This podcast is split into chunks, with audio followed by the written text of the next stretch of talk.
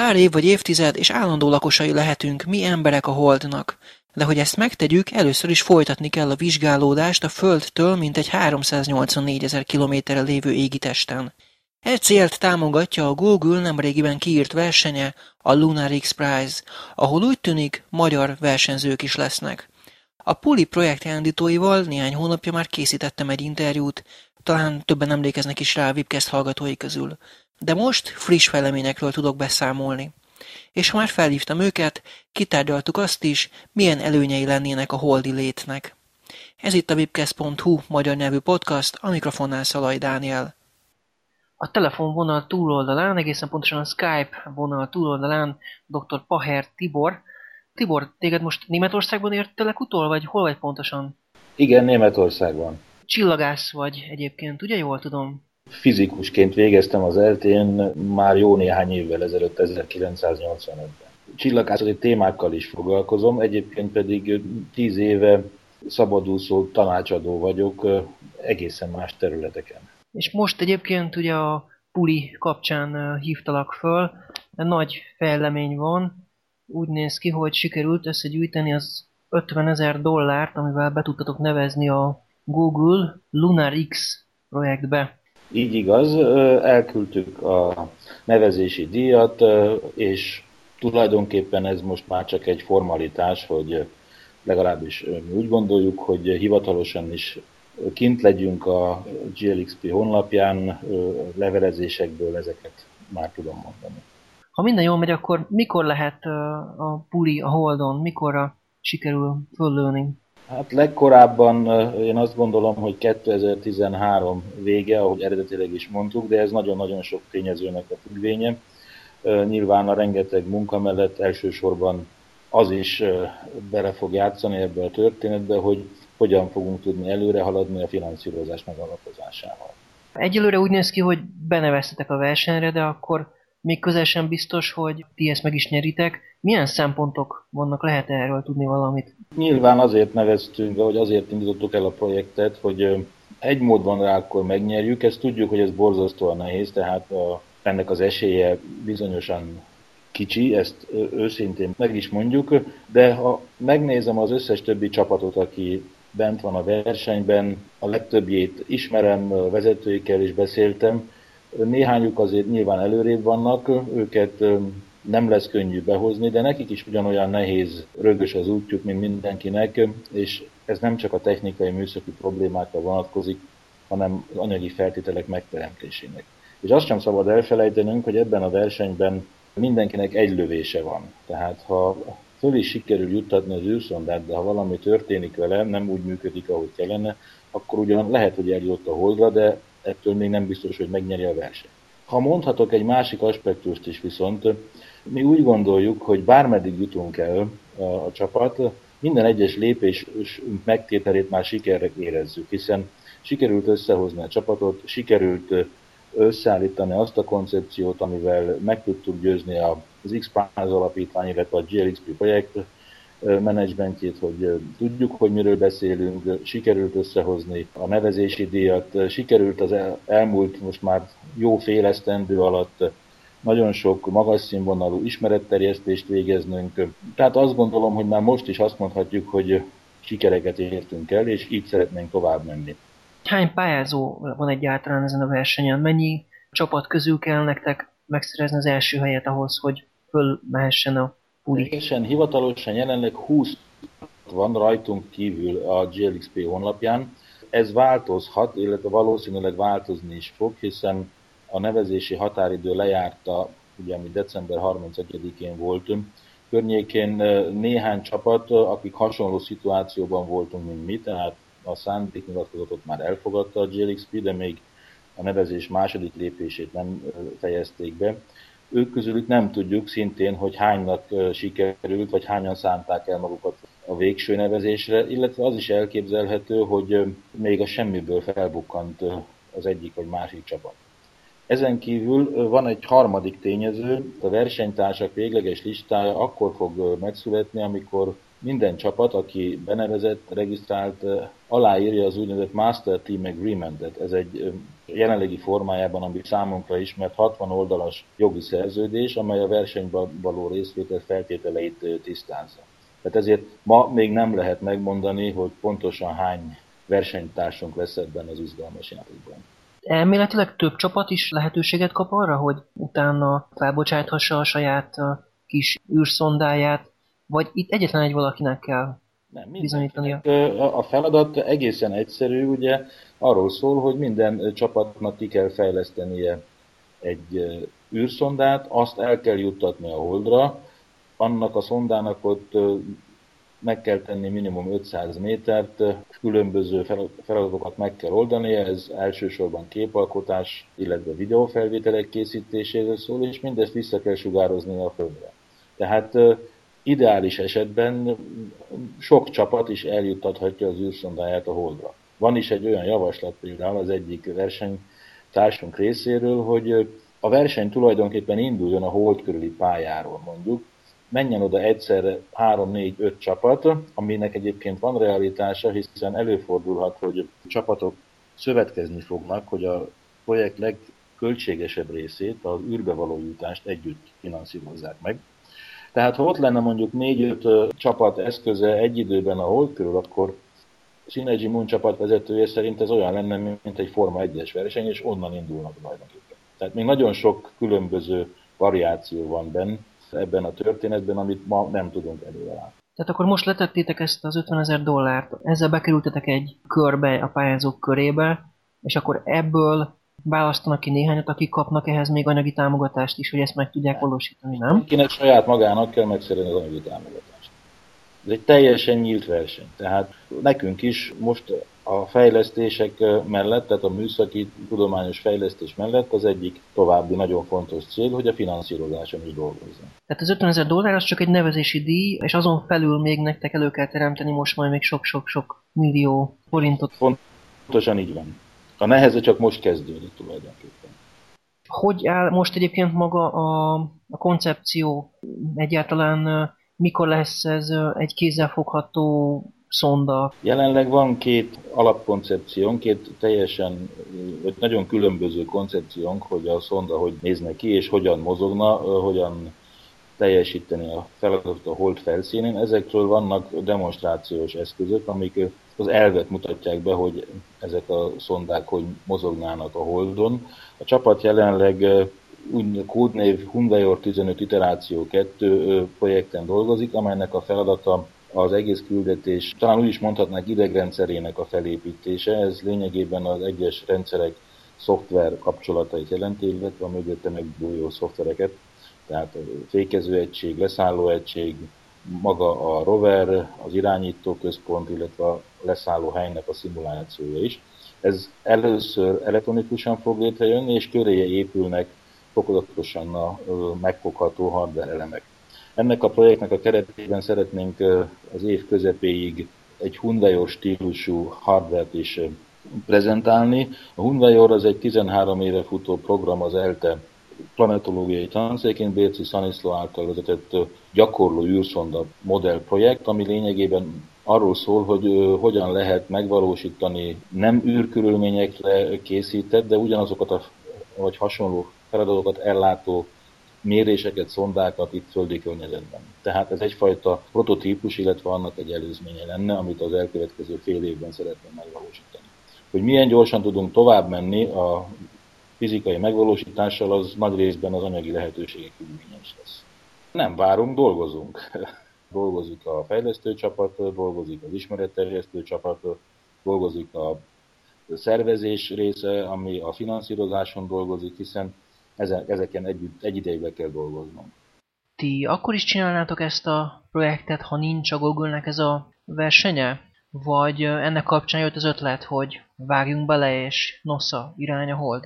Ez, ez a Google Lunar X Prize kapcsán jött, hogy csináljuk meg ezt a projektet, viszont ennek a segítségével több minden mást is tudunk csinálni, ami kialakult. Tulajdonképpen maga a projekt most, aminek a célja valóban az, hogy ezt az űreszközt megépítsük és eljutassuk a Holdra, három lábon áll bizonyos értelemben. Az egyik láb az ismeretterjesztés, amit szeretnénk továbbra is ugyanolyan sikerrel végrehajtani, mint most, hiszen ennek segítségével be tudjuk mutatni a természettudományok, műszaki tudományok szépségét, hasznosságát viszonylag nagy közönségnek, gimnazistáktól, iskolásoktól kezdve, ha úgy tetszik, az utca emberének, és szeretnénk ezzel hozzájárulni ahhoz, hogy a fiatalokban újra nagyobb legyen az érdeklődés ezek, ezek iránt a területek iránt.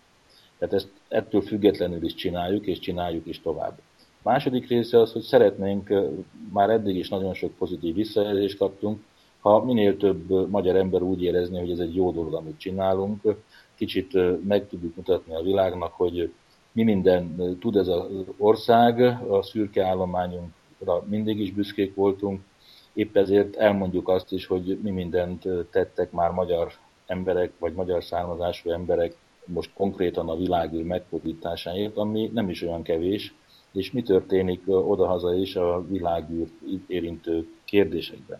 Harmadik lábunk pedig a vállalkozás alátámasztására már most keressük azokat a lehetőségeket, amelyekből egészen konkrét a Földön is használható termékeket tudunk létrehozni, azokból a folyamatokból, azokból a részekből, amelyek szükségesek a fejlesztéshez. Olyan termékeket is szeretnétek kifejleszteni, amik a Földön is használhatóak. Mire gondolsz? Mondanál pár példát? Az egyik példa, amit talán már most is mondhatnék, az az, hogy ugye képalkotásban is dolgozni kell, illetve szeretnénk olyan dolgokkal is foglalkozni, hogy ezekből a képekből milyen információt lehet kinyerni. Már ma is létező dolog, akár a műholdas képek kiértékelésére, vagy a légifotók készítésére gondolok.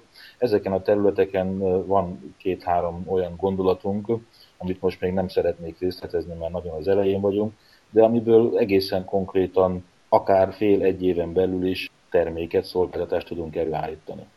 Hosszú távon pedig arra is gondolunk, hogyha megállunk a lábunkon, hogy kisebb műholdak fejlesztésébe vágjunk bele, amelyek akár földmegfigyelésre alkalmas műszereket is tudnak hordozni, és megfelelő képeket tudnak készíteni. A műholdas képkiértékelés elemzések nagyon, nagyon sok információt tudnak szolgáltatni, és ez egy fejlődő területe az iparnak. Vannak-e már most együttműködései a csapatnak külföldiekkel? Külföldiekkel még nincsen konkrét együttműködésünk, illetve kettő versenytársunkról és egy esetleges versenytársunkkal, akikről nem tudom, hogy most végül is sikerült-e nekik bejutni, vagy nem, vagy be fognak-e nevezni, vagy nem. Velük már vannak kezdeményezések annak megkeresésére, hogy milyen területeken tudnánk együttműködni. Odahaza pedig már vannak támogatóink, szponzoraink, és ezen belül is keressük már, vagy dolgozunk azokon a területeken, ahol akár velük, akár más cégekkel is együtt tudunk működni. Tudtok-e valamit arról, hogy ezt a nevezési díjat, ami azért egy elég magas összeg volt, kik dobták össze jellemzően, inkább magánszemélyek, vagy ezek cégek? Magánszemélyek és cégek segítettek ebben nekünk a csapaton belül. Magánszemélyek támogathatnak továbbra is bennünket a Kislépés Klub keretében. Ez egy klub, amit létrehoztunk, egy, az első 15 ezer embernek a közössége, akik akár 1000 forinttól kezdve támogatnak bennünket, hogy el tudjunk indulni a oldalra. Az interneten, honlapunkon megtalálható, aki belép, azzal, hogy támogat bennünket, amennyiben sikerül eljutnunk a holdra, akkor külön fényképet fogunk nekik onnan küldeni, illetve elvisszük a támogatóink nevét a holdra is. Cégekkel is van több kapcsolatunk, itt, itt szponzori szerződéseken dolgozunk, illetve már vannak szponzori szerződéseink, ők is segítettek mind anyagi, mind szolgáltatási dolgokkal is elérni ezt az eredményt. Oda akarok kiukadni a kérdéssel, hogy sok-sok kicsi adományból kellett összerakni ezt, vagy, vagy voltak azért olyan nagyobbak, amik, amik azért hirtelen megdobták, akár milliós nagyságrendek? Volt, voltak nagyobbak is, a milliós nagyságrend is volt, de nagyon sok kicsi is volt, hiszen tudjuk, hogy sok kicsi sokra megy. Ezért örülünk minden támogatóknak, akármilyen kis összeggel is, támogat bennünket. A nagy, nagy része az interneten keresztül talált ránk, illetve különböző média megjelenéseink alapján hallottak rólunk, és úgy jöttek hozzánk. Egy kicsit ugorjunk még előre az, azokra a napokra, amikor remélhetőleg a puli megérkezik a, a holdra. A terv az, hogy ott megy, akkor ezek szerint legalább 500 métert, közben fényképezni fog, méri az adatokat, és aztán mire lehet ezeket használni, ezeket az adatokat? Egyetem mit tudunk most a Holdról? Tehát manapság vannak-e még olyan dolgok, amiket nem tudunk, illetve mi az, amit tudunk?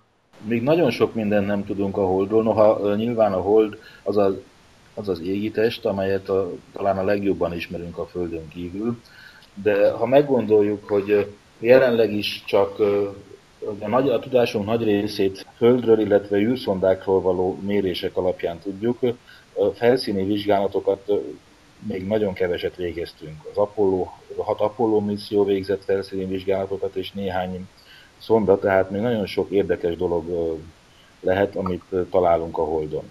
Az egyik ilyen történet, ami egyébként egy bónuszdíjjal is jár annak a csapatnak a számára, aki ezt először megteszi, hogy a leszállóhely környékén talál-e vizet, vízjeget a Holdon. Ennek az egyik fő érdekessége, hogy ha elég sok vizet vagy jeget találunk a Holdon, akkor ez nyilván nagyban megkönnyíti ma jövőbeni emberes űrállomások, vagy emberes állomások létrehozását, hiszen nem kell vinni a Földről mindent, mint ahogy ez ma még történik.